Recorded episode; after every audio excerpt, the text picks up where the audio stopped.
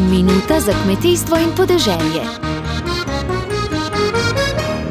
Stanje v kmetijstvu, ki smo mu priča, je tudi posledica napačnega pristopa k vzgoji naslednikov na kmetijah pravi sirarka Žuža Brence. Tudi to je nekaj, kar sem izkusila v tem času, odkar sem uh, v kmetijstvu noter. Je pač to, ja, da kmečki gospodarji svojih uh, naslednikov ne, ne vzgajajo za gospodarje, ampak za hlapce.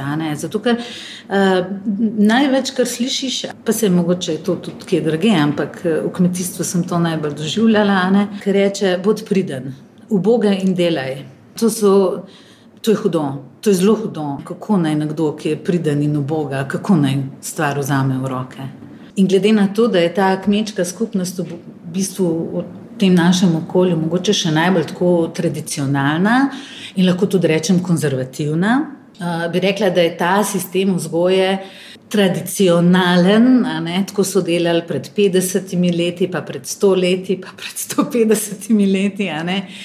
In uh, tle noter se pač jaz uh, s tem nikoli uh, nisem znala poistovetiti.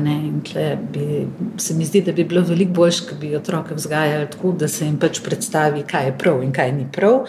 Uh, Pos pa ti odloči, kaj delaš in nosi posledice tizga, kar si naredil. Uh, zato se mi pa tudi zdi, da, da, da te spremembe v v življenju kmetov ne, se ne dogajajo, ker sami kmetje ne čutijo tega velikega primankljaja. So pa pač spremljevalni pojavi, ne, pa ljudje grejo s kmetij, pa je težko speljati. Ljudje so nesrečni, ker veliko delajo in delajo, in nikoli ni nič od tega, in pa odhajajo in prihajajo. In veliko je takih štorij, ki se kar naprej lovijo. K, ne morejo vzpostaviti enega normalnega, stabilnega življenja, ker, ker je preveč dela. V kmetijstvu je še zdaj preveč fizičnega dela. Dobro se je zavedati, kmetijstvo nas vse preživlja.